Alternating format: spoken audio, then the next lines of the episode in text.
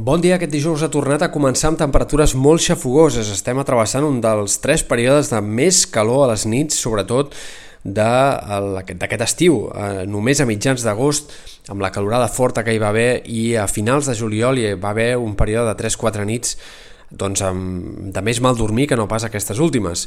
Avui serà un dia de ruixats i tempestes en moltes comarques, de, matinada hi ha hagut menys dels que estaven previstos, però en canvi al migdia, tarda, vespre, molt probablement hi haurà alguns ruixats i tempestes que puguin descarregar 20, 30, 40 litres per metre quadrat en poca estona, sobretot al Pirineu, Catalunya central, però també en moltes comarques prelitorals. Per tant, atents a aquests ruixats que avui poden ser puntualment forts. El Meteocat eh, cataloga el perill alt, només però en sectors del Ripollès i Berguedà.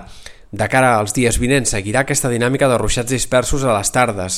Demà una mica menys freqüents que avui, però en canvi segurament una mica més a prop de la costa en comarques de Girona i de Barcelona. Per tant, molta variabilitat, però sempre els ruixats que apareguin de poca estona, encara que puguin ser intensos i forts. De cara al cap de setmana no canviarà gaire les coses. Per la diada sí que la, la quantitat de ruixats pot anar a la baixa, pot ser un dia una mica més estable que no pas els últims dos, però en canvi diumenge segurament tornin a rebrotar amb ganes aquests xàfecs i tempestes en moltes comarques igualment de muntanya, de la Catalunya central o també sectors del perlitoral, fins i tot potser diumenge una mica més probables en alguns punts de la costa.